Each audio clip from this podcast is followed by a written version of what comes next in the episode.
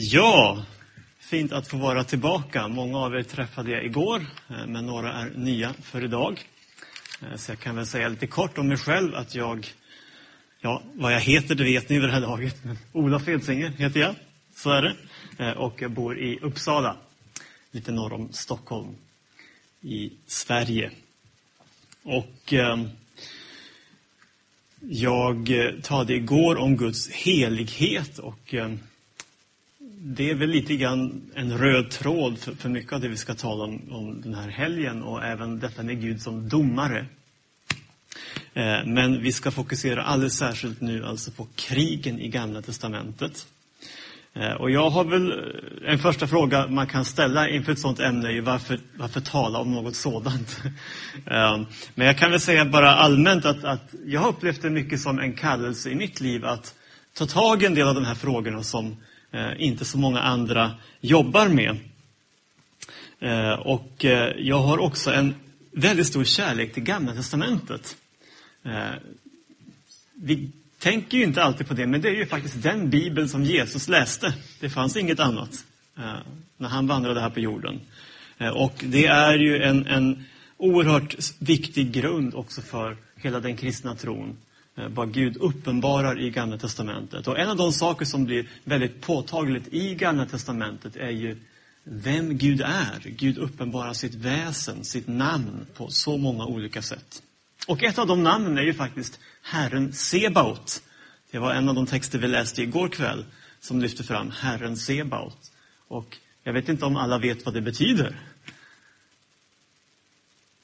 Herren Sebaot betyder härskarornas Gud. Alltså den som går i spetsen för armén. I spetsen för härskarorna. Eh, så att redan där anar vi någonting av att det här är ett ämne som, som finns centralt i eh, Gamla Testamentet och i viss mån kommer vi faktiskt se det också i Nya Testamentet. Att Gud är en krigare som strider för sitt folk. Eh, Samtidigt är det ju ingen hemlighet att just de här texterna kring krig och dödande eh, är någonting som väldigt många bibelläsare har problem med. Eh, och jag eh, har stor förståelse för det. Det är därför vi ska tala om det här idag också. Men jag tänkte bara ge några exempel på, på reaktioner som, som jag tror är ganska vanliga både i och utanför kyrkan just när vi kommer till de här texterna om krig och dödande i Guds namn. Och det allra vanligaste är väl just att vi inte gör det vi gör idag, nämligen hoppar över dem, går vidare, struntar i dem. Um, idag ska vi stanna upp inför de här texterna, men, men väldigt ofta så tror jag att vi, vi bara bläddrar snabbt förbi och, och, och läser någonting kanske lite mer lättförståeligt. Eh, man kanske säger någonting sånt här som att men de tillhör ju Gamla Testamentet. Jag som kristen tillhör den nya pakten och då behöver jag inte bry mig så mycket om de sakerna. Um, jag tror att det är en, en lite för enkel lösning. Eh, inte minst, som jag sa, eh, så är ju detta den bibel som Jesus läste. Eh, och Paulus, han skriver så här på sin tid om just Gamla Testamentet faktiskt. Att hela skriften är utandad av Gud och nyttig till undervisning, tillrättavisning, upprättelse och fostran i rättfärdighet. Eh, och det som är så intressant är att han drar ju in Gamla Testamentet rakt in i nuet. Idag, nu, är också det Gamla Testamentet viktigt för oss för att vägleda till ett heligt liv. Så bara det faktum att de här texterna tillhör Gamla Testamentet räcker inte som argument för att inte behöva bry oss om dem. Eh, en annan eh, approach, sätt att nalkas de här texterna som har varit vanligt tidigare särskilt i kyrkans historia, det är ju att vi använder dem eller utlägger dem som allegorier, alltså liknelser, bildspråk. Eh, medeltiden hade ju väldigt mycket av allegorisk läsning av, av Bibeln i stort. Och det finns en uppenbar parallell då mellan Gamla testamentets kamp mot fysiska fiender och Nya testamentets tal om den andliga krigföringen, den andliga kampen. Och vi sjöng delvis om det också här i, i salmen. Ehm, och jag säger inte att det är fel. Jag tror att vi absolut kan tänka så. Att det finns en sån parallell. Och att, att Gamla Testamentets tydliga krigstema syns mer i den andliga kampen i nya förbundet, nya pakten. Jag kommer tillbaka till det. Men min enkla poäng här och nu är att även om vi utlägger dem som allegorier kan vi inte göra dem till bara allegorier. De här texterna är inte bara liknelser. När de från början skrevs fanns ett anspråk på att de skulle ha skildrat historiska, verkliga händelser. Är ni med? Så, så även om vi kan se en slags parallell mellan den andliga kampen och det här, så, så när vi väl läser de här texterna i Gamla Testamentet så görs det ju ett anspråk på att det här faktiskt har hänt. Det är historiska händelser, historiska krig. Så vi kan inte nöja oss med att bara se dem som bildspråk, tänker jag. Då kan vi naturligtvis gå lite längre och helt enkelt ifrågasätta det som står. Eh, vi kan till exempel tänka att nej men det här kan inte ha varit Guds vilja. Det måste ha varit Moses som på något vis hittade på att, att det var Guds vilja att, att folket skulle kriga. Eh, ett bra sätt att motivera soldaterna. Kom igen nu, Gud vill det här. Fast egentligen ville inte Gud det här. Inte heller det en, en helt ovanlig läsning eller tolkning av de här texterna. Eh, men det är klart, jag menar att det skapar betydligt större problem än det löser. För om vi hävdar att Moses faktiskt ljuger, för det är det vi säger då, att han ljuger för hela Israels folk, då får vi ju andra problem. För när kan vi överhuvudtaget lita på Mose om han ljuger om en sån viktig sak som att Gud var med dem i strid? Där hela nationen står på spel. Vem kan då lita på någonting som Moses säger? Så jag menar att den lösningen skapar större problem än den löser. Eh, I Sverige har vi en väldigt inflytelserik eh, författare eh, och gayaktivist är han också för den delen. Han heter Jonas Gardell. En viktig kulturpersonlighet i Sverige. Och han har blivit oerhört populär på många sätt, men också genom två böcker där han går igenom Gamla Testamentet och Nya Testamentet.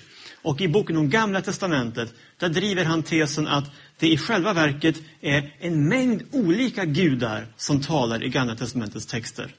Ni kanske har liknande tankar hos några här i Norge. Han talar om olika stamgudar som, som man på har fört samman till en enda bok. Och då driver han den här tesen att eh, alltid när du talar om en Gud som är domare, som är krigare, som är vred över synden, då är det en ond Gud som talar. Men den sanne guden som uppenbarar sig i Jesus, han, eh, han däremot då eh, är helt, tar helt avstånd från allt sådant. Han är bara kärlek, bara barmhärtighet, eh, stryker bara medhårs. Även om inte Jonas Gardell finns i Norge kanske ni har andra som säger liknande saker. Han har fått oerhört stort genomslag för den tanken. Och den boken specifikt sålde mer än 100 000 exemplar. Fick ett enormt genomslag. Eh, men eh, även om det är en populär hållning så tror jag ju att även det skapar mycket större problem än det löser. Eh, för det är klart, då menar man ju att man har tillgång till kunskap om Gud som inte Jesus hade, som inte det judiska folket hade, som inte den tidiga kyrkan hade. Där vi idag kan sålla bort texter som alla profeter och apostlar inte såg klart nog för att förstå att det var en annan Gud som talade i. Och det är väldigt stora anspråk av en människa att göra det. Så tanken att det skulle vara olika gudar som talar i Gamla Testamentet har jag väldigt svårt att acceptera. Eh, sen kan man ju gå faktiskt kanske ett, ett ännu längre steg och säga att hela Gamla Testamentet är barbariskt och grymt. Eh, vi fick vår nya bibelöversättning lite tidigare än, än er eh, i Sverige. År 2000 togs vår nya statliga bibelöversättning i bruk. Kom er 2011 eller? Det, ja. Och den finansierades ju då av skattemedel Eh, och det blev en stor debatt i medierna hur staten kunde finansiera en sån fruktansvärd bok som Bibeln. Ehm, och det recenserades bland annat av en kvinna som heter Eva Moberg, som också är en svensk kulturpersonlighet och framstående feminist. Och hon skriver så här i sin recension. Jag hade hoppats att Gud skulle utvecklas vart efter Gamla testamentet framskred. Verket avspeglar dock åtskilliga sekler, till och med årtusenden, och skrevs av många olika författare. Men tyvärr, Ända fram till slutet av de kanoniska böckerna förbannar han, hotar, hämnas, straffar och lovar guld och gröna skogar åt de som lyder och prisar honom. Den banbrytande språkforskaren och psykohistorikern Julian James har karaktäriserat språket och beteendet hos GTs Gud som typiskt för en psykotisk mördare. Ja. Herren är ett samlingsporträtt av många tyranniska stamfäder i patriarkatets ursprungsfas, när de hade att till varje pris kämpa ner de rådande gudinnekulturerna. Därav de extrema aggressionerna, terrorn, storhetsvansinnet, den patologiska svartsjukan. Herren skulle kunna vara läromästare åt Attila, Hitler, Stalin, Idi Amin, Saddam Hussein, Milosevic och grabbarna. Han är fullblodsnazist med modernt språkbruk. Och det är ju vad nyöversättningen eftersträvar. Ord och inga visor. Eh, hon fick viss kritik, kan jag tillägga, för att hon kallade judarnas gud för fullblodsnazist. Det är ju inte bara oförskämt, det är osmakligt. Eh, men, men det är ett exempel på hur man kan läsa Gamla Testamentet och landa i att det här är bara mörker, det här är bara ondska. Eh, och för mig stryker det under en annan sak och det är att de här frågorna är viktiga för oss som bibelläsare. Men de är också viktiga för det här är någonting som diskuteras ute i samfundet. Eh, där också Bibelns texter om krig och dödande blir ett, ett slags vapen, ett argument mot hela den kristna tron. Och därför tror jag att det är bra för oss att försöka faktiskt stanna upp och läsa de här texterna, försöka förstå dem. Och det är helt enkelt det som kommer vara min huvudapproach eh, här idag. Eh, det första är att Bibeln måste få en chans att förklara sig själv.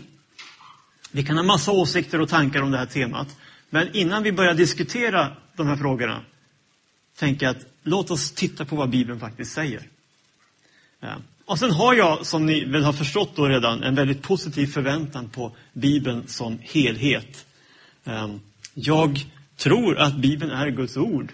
Och jag konstaterar mycket enkelt att även om Nya Testamentet talar om Gud ibland på lite andra sätt och med lite andra betoningar, så finns det ingen uppgörelse med de här texterna i Nya Testamentet. Ingenstans säger Jesus eller apostlarna att, ja men ni vet, så där sa, sa fäderna att Gud gjorde då, men nu vet vi bättre. Det finns inga sådana texter. Eh, tvärtom så kan ju Jesus själv hänvisa till texter om till exempel syndafloden, flommen, eh, förstörelsen av Sodom och Gomorra. Inte för att be om ursäkt för att det där är någon slags gamla missuppfattningar, utan tvärtom, att erkänna att så handlade Gud då. Och idag behöver vi ta lärdom av det. Så Jesus och apostlarna bekräftar i den meningen, hävdar jag, att det här är fortfarande någonting för oss att lyssna till. Eh, så det vi ska göra nu är helt enkelt att vi ska få stanna upp lite grann inför de här bibeltexterna. Eh, försöka se lite mer om vad de faktiskt säger. Och sen utifrån det ska vi naturligtvis få möjlighet att, att titta på olika invändningar och funderingar. Och vi har ju ett dubbelpass idag för att verkligen hinna gå på djupet. Eh, hur låter det? Kan det funka för en lördag eftermiddag? Vi prövar. Det är bra. Eh, har ni biblar med er förresten? Jag bara tänker, jag kanske kommer uppmana er någon gång i alla fall att, att bläddra lite i en bibel. Även om jag har en hel del här, så, så vi får se. Men ni kan göra er redo för att, att det, det är bra att ha en sån till hands. Vissa av oss har det ju på mobilen också numera. Men innan vi går in då lite mer specifikt på frågan om krigen i Gamla Testamentet, eh, så tänkte jag bara stanna upp inför en berättelse i Bibeln som vi kanske inte spontant tänker på när vi hör att vi ska tala om krigen i Gamla Testamentet. Eh, men som är första gången där Gud faktiskt presenteras som en krigare. Första gången där Gud presenteras som en krigare. Och det är när Gud befriar Israel ur Egypten. Eh, och jag tänker mig att de flesta är, är ganska bekanta med den berättelsen. Eh, men grundstoryn är att Israel under flera hundra år har varit slavar i Egypten. Eh, Gud kallar Mose som deras ledare för att föra ut dem ur Egypten och in i det land som Gud då har lovat folket att de ska få bo i.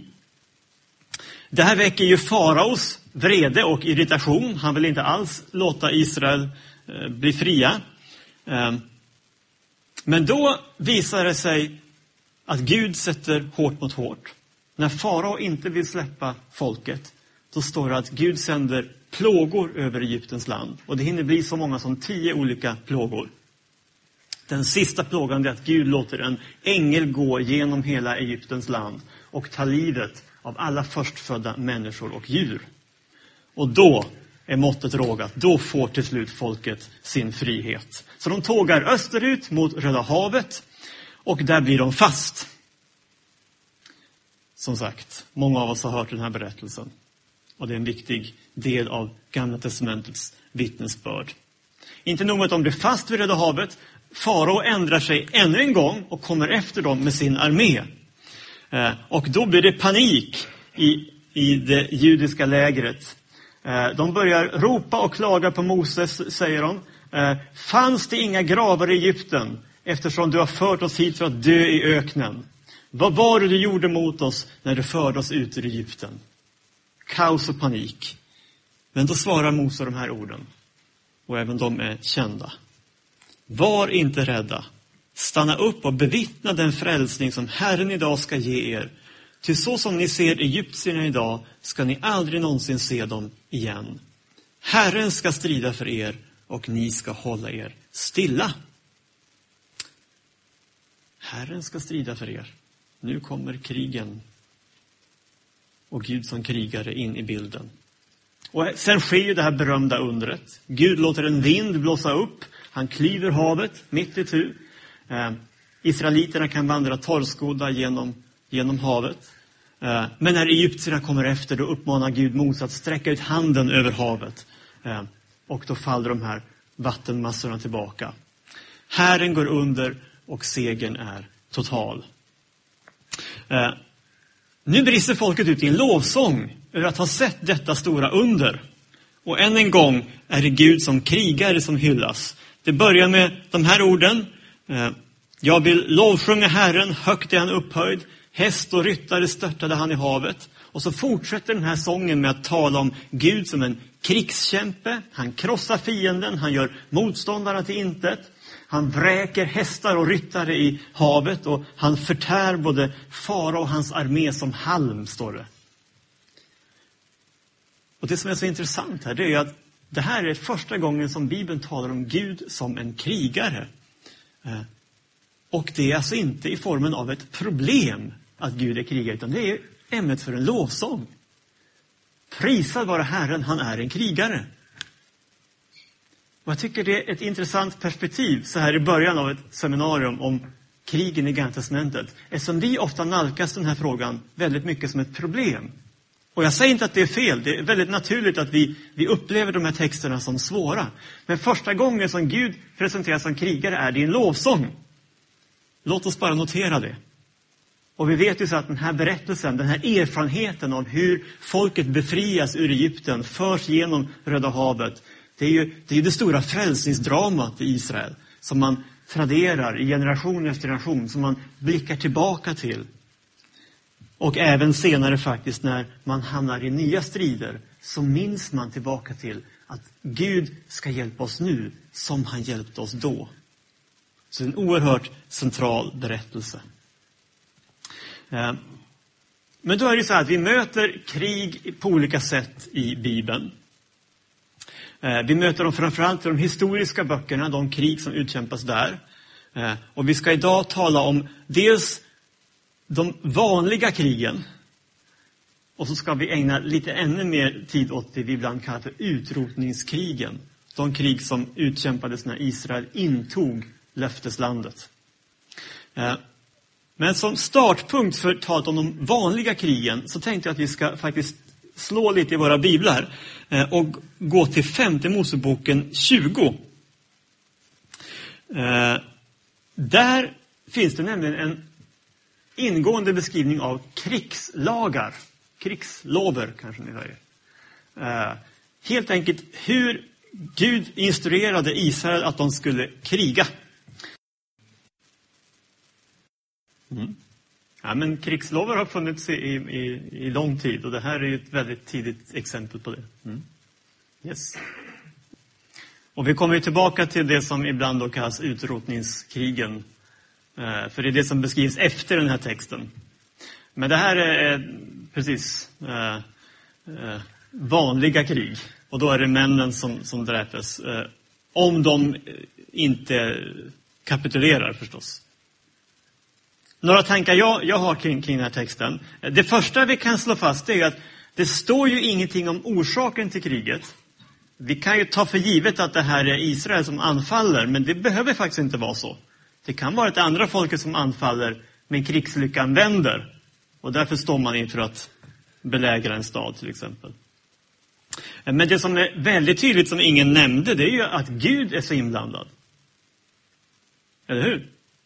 Det står ju uttryckligen att han drar i spetsen för Herren. Herren Sebaot med andra ord, är i görningen. Eh, så Gud fortsätter att göra skäl för sitt namn som krigare. Och det här har ju också att göra med att Israel är en teokrati, en gudsstat. Eh, där ju Gud egentligen är inblandad i allt i Israels liv. Och ibland när vi har problem med att Gud är inblandad i krigen så brukar jag tänka så här, men vänta nu, Gud var ju inblandad i precis allting. Skulle han då vara inte inblandad i krigen men i allt annat? Det blir en ganska konstig tanke. Eh, krigen som som sagt ställer hela Israel som nation på spel. Eh, varför skulle Gud inte vara inblandad där om han samtidigt är inblandad i vad man klär sig, vad man äter för mat, hur man beter sig mot sin granne och så vidare. Så att i det här paketet av att Israel är en teokrati ingår också att Gud är involverad. Eh, men sen är det ju som vi har sett då, väldigt generösa dispensregler, kan man uttrycka det så? Dispens, man kan slippa kriga för väldigt många olika orsaker. Eh, och det är ju sympatiskt på många sätt, men det står ju också för någonting annat. Och du nämnde ju Gideon. Eh, och jag vet inte hur aktuell den berättelsen är, men, men det är ju när midjaniterna förtrycker Israel. Och Gideon kallas att samla en armé för att strida mot dem. Och jag tror att han samlar 30-40 000 soldater i Israel. Men vad säger Gud? Det är för många, ja. Precis. Och då får han ner dem till 10 000. Och vad säger Gud? Fortfarande för. Till slut är det 300 man. Och då säger Gud, ja men nu, nu kör vi. för om ni vinner med 300 man, då kommer ni förstå att det här har ni inte gjort i er egen kraft. Eh. Och det finns en bibelvers som vi i Sverige ibland sjunger som en bibelkör. Eh, Icke genom någon människas styrka eller kraft skall det ske, utan genom min ande, säger Herren. Det är väl Sakarja 4. Eller? Det är faktiskt samma princip som verkar i krigen. Det är inte människors styrka, styrka det kommer an på i Israel. Det är Guds styrka. Och vi brukar kanske inte tänka på krig när vi sjunger den sången eller läser den texten. Men det är samma andliga princip i, i, i görningen. Eh, och så börjar man då, som vi har sett, med att erbjuda fred. Eh, och det är faktiskt inte helt självklart. Det finns ganska många texter från den här tiden, från bland annat assyrierna, där man beskrev hur, hur man kom och var fullständigt skoningslös mot de folk man hade bestämt sig för att ockupera. Eh, där det inte ens fanns någon möjlighet till fred.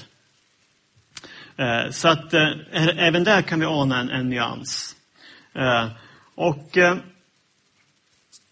jag tänker så här att eh, det finns mycket mer att säga om det här, men, men vi ska gå vidare. Men, men det här är Israels lagar för krig i allmänhet. Eh, och jag brukar säga så här att det de här lagarna visar är väl kanske att Krig är ett ibland nödvändigt ont om man ska kunna existera som stat. Eh, jag var nere på byn här idag och, och det var en stor manifestation till stöd för Ukraina. Och, och, och det är många som tänker mycket på det och, och, och liksom sörjer med dem och, och också stöttar dem i att de försvarar sina gränser eh, inför den invasion som de står inför. Eh, och det är ju på samma sätt med Israel, att om Israel skulle kunna existera i en miljö där det fanns många fiender runt omkring, måste man faktiskt få försvara sig. Eh, man måste få kriga. Förutsatt att inte alla grannar, alla nabor var vänligt sinnade. Och så var det inte i Israel och så är det inte heller i dagens Israel och så är det inte heller i Ukraina. Ehm, så jag tänker att någonstans så, så stöttar Bibeln den tanken att, att vi får värna våra gränser. Ehm, det innebär också att, att när vi läser femte budet i, i dekalogen, tio Guds bud, ehm, att du skall icke dräpa, så handlar det inte nödvändigtvis om den här situationen. För Gud ger klartecken för eh, krig när det är motiverat. Eh, däremot förbjuder Bibeln i alla lägen mord, dråp. Eh. Och en sista intressant sak som jag tänkte nämna, det är att när vi läser de historiska böckerna är faktiskt de flesta krig som Israel utkämpar just försvarskrig. Eh, det är alltså andra eh, riken som är aggressiva mot Israel, men där Israel slår mot dem. Det finns en period under kung Davids tid när Israel växer mycket. Och där är det lite svårare att veta vad som är försvarskrig och vad som är angreppskrig. Men de flesta krig i, i Bibeln är faktiskt försvarskrig. Och då tillämpade man till stor del de här krigslagarna. Eh, så som sagt, för mig blir grundfrågan kring just de här texterna, har en suverän stat rätt att försvara sig eller inte? Och det finns ju lite olika syn på det också bland kristna. Där vissa delar av kyrkan är radikalt pacifistisk och säger att vi ska aldrig använda vapen. Eh, jag uppfattar att Gamla testamentet ändå ger stöd för Ukraina att försvara sig och för Israel att försvara sig på det sätt som, som vi läser här. Eh, vi hade kunnat säga mycket mer om det ändå, men på grund av tiden tänker jag att vi, vi släpper den frågan så länge och går över till utrotningskrigen. Eh, om det inte är någon som har någon direkt fråga kopplat till, till det vi har läst nu. Som sagt, de här eh, hänvisningarna det är lite grann beskrivning av hur man skulle behandla krigsfångar och liknande. För det är också en intressant fråga. Eh, där vi naturligtvis kan, kan eh, ha väldigt mycket tankar och känslor kring, kring det här med att, att tas till fånga i strid. Men där det faktiskt fanns ganska tydliga lover eh, som, som eh, visade hur Israel förväntades behandla de som togs till fånga. Inte minst kvinnorna, som, som det står uttryckligen om i de här texterna. Eh, så det tänker jag är en, en viktig del också av bilden. Men är det någon fråga innan vi går till det ännu svårare?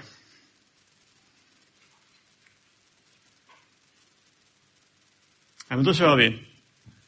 Och då är det en text som vi inte läser i söndagsskolan som kommer här. Femte Mosebok 7. När Herren din Gud låter dig komma in i det land dit du nu går för att ta dig i besittning och när han driver bort många hedna folk för dig, hetiterna, girgaseerna, amoreerna, kananéerna, periseerna, hivéerna och gebesiterna, sju folk som är större och mäktigare än du. Och när Herren din Gud ger dem till dig och du slår dem, då ska du ge dem till spillo. Du ska inte sluta förbund med dem eller visa dem nåd. Du ska inte ingå släktskap med dem. Dina döttrar ska du inte ge åt deras söner och inte ta deras döttrar åt dina söner. Till dem kommer då att leda dina söner bort från mig till att tjäna andra gudar och Herrens vrede ska då upptändas mot er och han ska snabbt förgöra dig. Men så här ska ni göra med dem.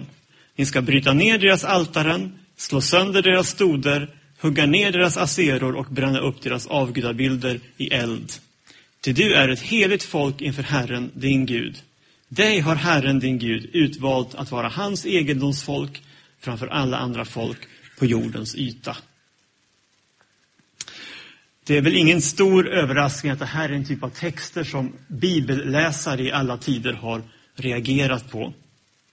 Eh, de flesta vill ju ändå förknippa Bibeln med sådana ord som kärlek och nåd och barmhärtighet.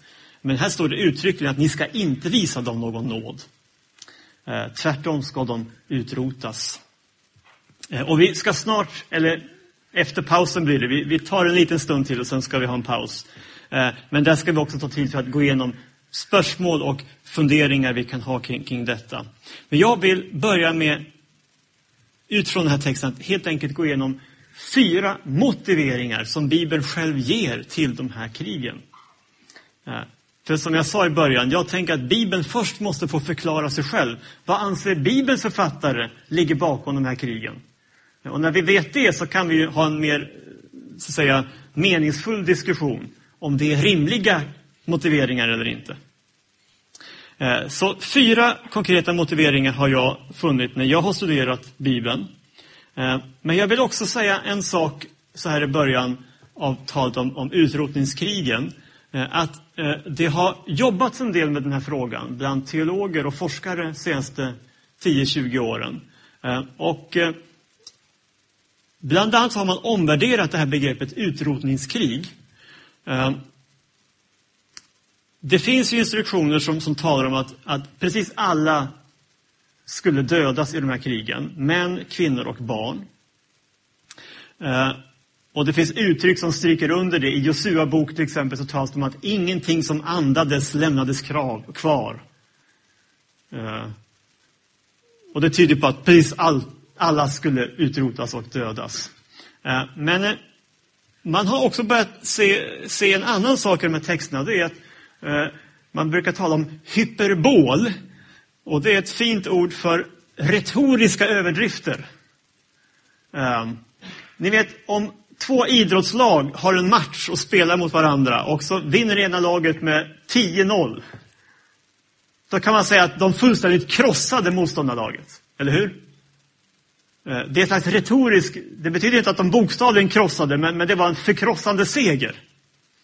Eh, och när man läser eh, krigsskildringar från den här tiden så är det ganska vanligt att, att just den här typen av uttryck eh, som att ingenting som andades lämnades kvar eh, används som ett slags beskrivning av en förkrossande seger. Eh, det som gör det här lite extra intressant är att om man läser till exempel Domarboken eh, men även Josua-boken så ser man att några gånger när det står så där att inget som andades lämnas kvar så kan det några kapitel senare stå att det utkämpas en ny strid på samma plats. Och det blir ju lite konstigt. Om det inte fanns ett enda liv kvar så finns det ingen anledning att ha en ny strid på samma plats. Eh, så det finns ändå vissa skäl att tänka att kanske betyder inte det här att det alltid var alla som utrotades. Eh, det vi vet är att städerna Jerik och Ai, eh, de jämnas med marken fullständigt. Det var ganska små befästa städer troligen militära städer med, med hög andel soldater. Eh, om man tänker sig att Jeriko erövrades, då gick man sju varv runt staden, byn. Och samma dag erövrade man den. Det måste vara en väldigt liten by. Försök gå sju varv runt Tromsö på en dag och efter det strida mot stan. Det, det, man hinner inte det. Ja, utan det var en, en, ganska liten by och troligen med hög andel eh, soldater. Eh, och likaså Ai var en befäst stad. Eh, men det troliga scenariot var att när Israel kom så flydde en stor del av befolkningen. Alldeles särskilt kvinnor och barn. Precis som i Ukraina just nu. Det är ju väldigt aktuellt med, med, med precis samma situation. Eh, men därmed att de som stannade, som i första hand var män, eh, och i vissa fall flydde ju säkert även männen, men de som stannade och ville strida mot Israel, där visade man ingen nåd. Eh, en till orsak till varför det här kan faktiskt vara en ganska rimlig läsning utifrån Bibeln själv, det är att tre gånger så ofta som det står att Israel utrotar folken, står det att de fördriver folken. Det är så mycket vanligare uttryck att de fördriver. Eh, så jag säger inte alls det här för att relativisera allvaret i de här texterna. Jag tror verkligen att det var krig som skedde. Jag tror att det i vissa fall handlade om utrotning och vi ska snart titta på motiven för det.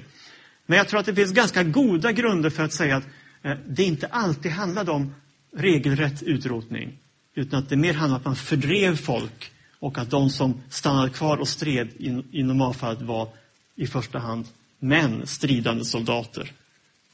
I alla fall är det många också mer evangelikala bibelforskare som, som har landat i den slutsatsen eh, i, på senare tid. Eh, så jag tänkte gå igenom de här fyra motiveringarna, men då är min fråga, är det nu vi tar pausen? Eh, eller vill ni att vi börjar med ett par motiveringar, eller vad säger ni?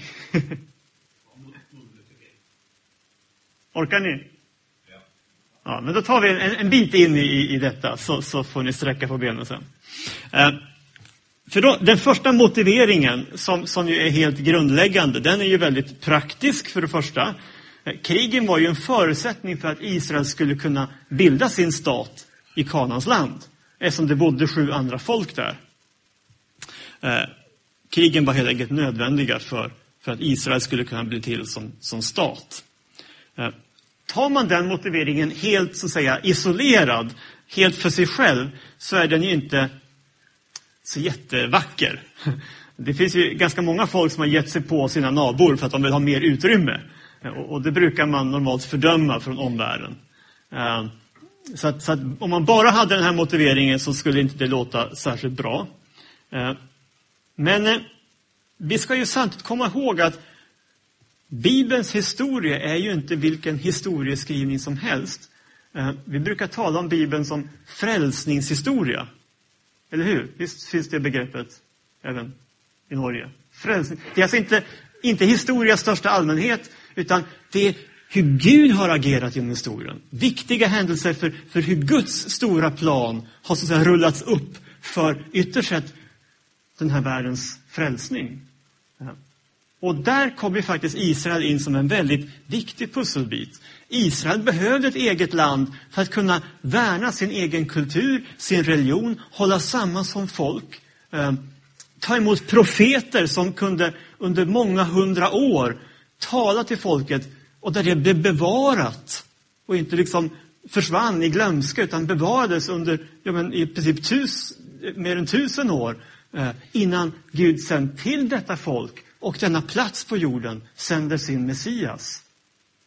Med kallelsen att, att bjuda in alla folk och stammar till Guds rike.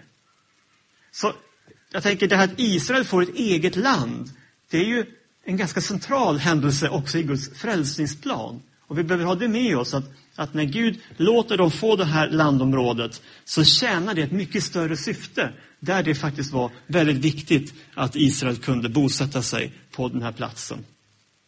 Eh, så därför är det här en viktig motivering. Eh, och eh, den har också med Nya Testamentets budskap att göra.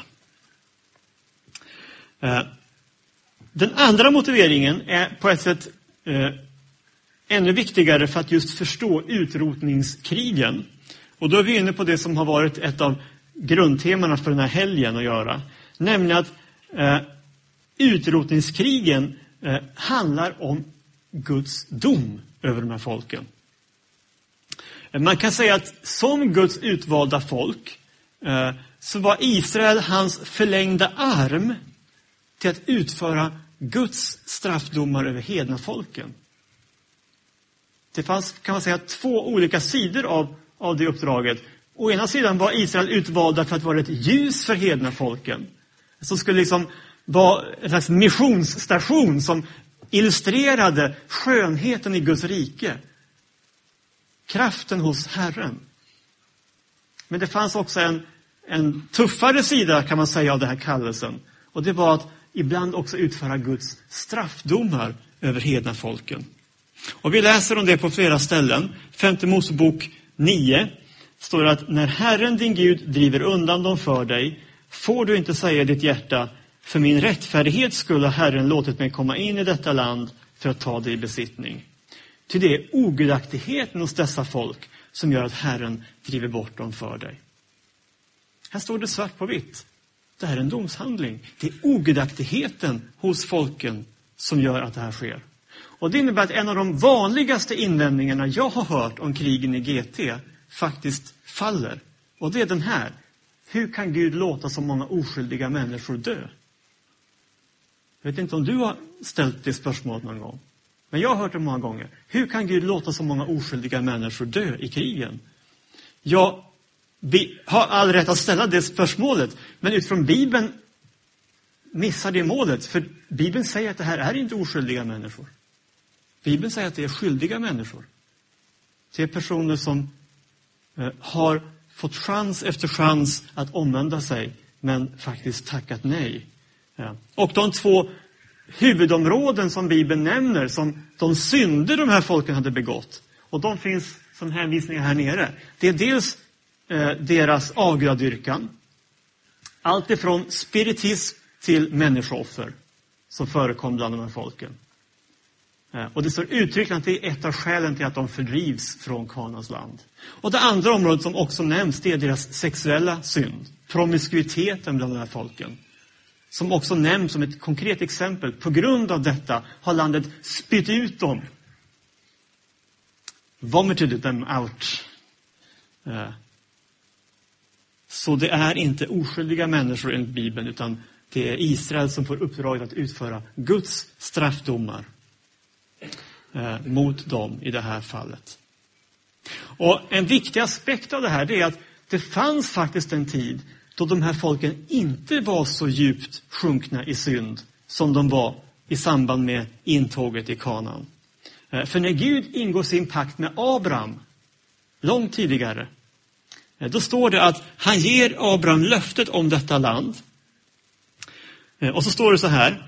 Det ska du veta att dina efterkommande ska bo som främlingar i ett land som inte är deras. Där ska de bli slavar och man ska förtrycka dem i 400 år. Men det folk som gör dem till slavar ska jag döma. Sen ska de dra ut med stora ägodelar. Och det här är ju Egypten, där vi började. Eh, I fjärde släktledet, står det sen, ska de återvända hit. Till ännu har inte amoréerna fyllt sina synders mått. Så när Gud ingår sin pakt med Abraham så säger han att det kommer en tid då dina efterkommande ska få inta landet. Men det är inte tid för det än. Och det finns ju flera skäl för det. Men ett viktigt skäl är att de här folken har ännu inte fyllt sina synders mått. De är alltså inte re ännu redo för Guds dom. De ska få några chanser till. Och de fick ungefär 500 år på sig att omvända sig. Men istället för att göra det så blev det ännu värre. Ännu mer fördärvat bland de här folken. Så när Israel väl intar Kanans land, då har de förverkat alla sina chanser. Så det handlar inte om oskyldiga människor och det är ingen överilad handling. Gud har gett dem 500 år på sig. Så det är svårt att beskylla Gud för att vara väldigt snabb och aggressiv. Om man tar Bibelns version av det hela på allvar. Eh, därför tror jag att det här är en, en väldigt viktig motivering. Eh, och jag tror faktiskt att jag hinner ta alla fyra motiveringar innan vi, vi tar vår paus. Eh, för nästa motivering knyter an till den här det är att de här krigen är inte bara en dom mot människorna i Kanas land. Det är också en dom över avgudarna. Konkret en dom över avgudarna som dyrkas i de här nationerna. Och vi ser det här faktiskt redan i berättelsen om uttåget ur Egypten. Jag nämnde ju de här tio plågorna. Eh, och eh, jag minns, jag har ju hört om dem många gånger som barn och sådär och hade väl inte tänkt så djupt över vad de stod för. Eh, men det här är ju inte vilka händelser som helst. Det är konkret Guds domar över olika delar av den egyptiska nationen som de ansåg stod under gudarnas beskydd. Så när Gud gör Nilen till blod så handlar inte det bara om att det var jobbigt att det blev blod i vattnet. Det är också ett dråpslag mot Nilguden, Hapi, som var en väldigt viktig gudom i Egypten. Gud visar att han är starkare än Hapi. Ja. Om vi tittar på de två sista plågorna blir det ju ännu tydligare. Den nionde plågan det är att det blir mörkt över hela Egyptens land. Och jag minns jag hörde om det här redan i söndagsskolan och tänkte att ja, men det var väl jobbigt att det var mörkt. Och det var det säkert. Men det finns ju mycket mer där. För vem satt på tronen i Egypten? Solgudens son, precis. Så när det blir becksvart i Egypten så är det en total förnedring av solguden, soldyrkan. Och Gud visar att jag står över solen. Det är jag som har skapat solen. Ni ska inte dyrka solen. Eh. Och den sista plågan är ju då att, att allt förstfött i Egypten eh, dör, både människor och djur.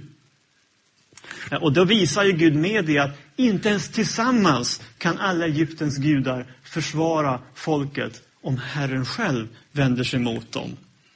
Eh, den natten ska jag gå fram genom Egyptens land och slå allt förstfött i Egypten, både människor och boskap. Och över Egyptens alla gudar ska jag hålla dom. Jag är Herren. Så intåget i kanan och utrotningskrigen där var en förutsättning för att Israel skulle kunna bilda sin nation. Det var en konkret uttryck för Guds dom över de här folken, som till och med ägnar sig åt människooffer. Eh, det var en dom över gudarna i de här länderna.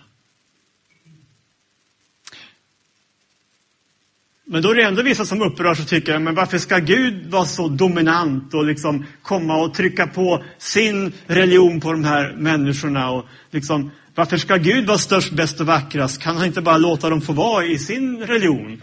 Eh.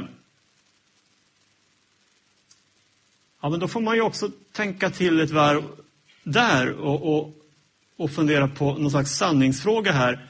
Om det är så att de här avgudarna är falska gudar. Om det är så att man inte kommer till himlen om man dyrkar Hapi eller solguden, då är det faktiskt ett uttryck för Guds nåd att han avslöjar avgudarna för vad de är och visar att det håller inte att lägga ditt liv i solgudens hand. När Gud dömer avgudarna ger han ju faktiskt en väg till frälsning också för de här folken. Och faktum är att det är precis det som sker i samband med uttåget. För Gud säger så här, att den natten kan ni slippa min dödsängel. Ni ska ta ett lamm, ni ska slakta det, ni ska äta det samma natt. Inget ben ska krossas på det, men ni ska ta blod och stryka över dörrposterna. Och då ska min ängel gå förbi. Pesach, gå förbi. Så det fanns en möjlighet till frälsning. Och vi vet att när Egypten, eller när israeliterna lämnade Egypten så var det också en ganska stor grupp andra människor som följde med. Vi vet inte exakt vilka, men rimligen är det de som hade faktiskt förstått vem Herren var. Förstått att avgudarna inte höll. Och rimligen fanns det också en del egyptier med där. För möjligheten till frälsning, räddning, fanns för alla. Och då är det faktiskt nåd att Gud dömer avgudarna och visar vägen till verklig räddning. Jag tar den sista motiveringen väldigt kort. Eh, och det är att utrotningskrigen också skulle ge Israel en möjlighet till en slags moralisk nystart. Eh, att genom att de här andra kulturerna och religionerna framför allt slog sönder så skulle det vara möjligt för Israel att börja på ny kula, starta om från scratch utan att på en gång dras med av de här andra religionerna. Och ni kanske märkte det när vi läste femte Mosebok 7. Det står visserligen på en rad att man ska utrota människorna. Men det ägnas ännu mycket mer utrymme åt att man ska utrota avgudaaltarna. Det var egentligen huvudpoängen.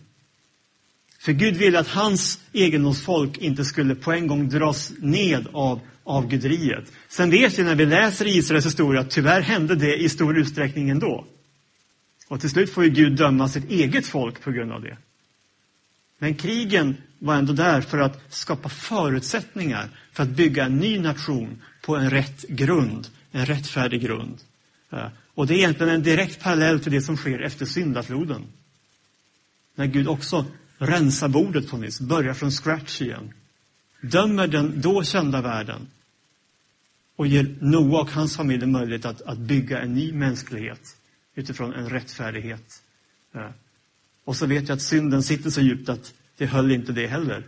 Eh, men det är samma grundläggande tanke som vi ser efter syndafloden som vi ser kring intåget och utrotningskrigen i Kanans land. Så det är vad jag uppfattar som de fyra motiveringar som Bibeln ger till krigen i Gamla Testamentet. Eh, sen finns det mycket vi kan tänka och fundera kring det och det ska vi återkomma till då efter en paus här. Men, men eh, hoppas att det kan vara något att grunna vidare på.